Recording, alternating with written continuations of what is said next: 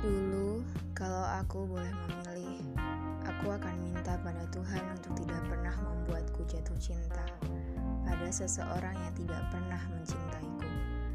Karena bagaimanapun, seikhlas-ikhlasnya perasaan ini, ia masih meronta-ronta untuk dihargai.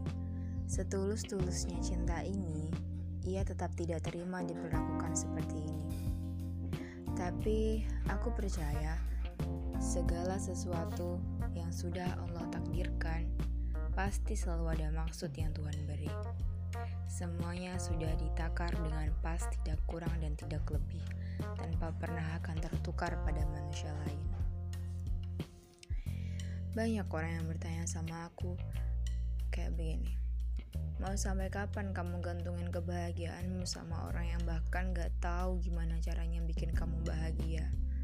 Mau sampai kapan kamu tetap mempertahankan rasamu pada seseorang yang sama sekali gak pernah bisa menghargai adanya kamu di hidupnya? Kalau aku boleh menjawab, aku gak tahu.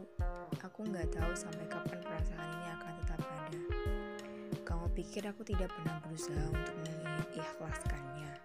Aku berusaha, tapi mungkin ini belum waktunya. Mungkin ini ujian bisa tetap menjaga hati aku gitu.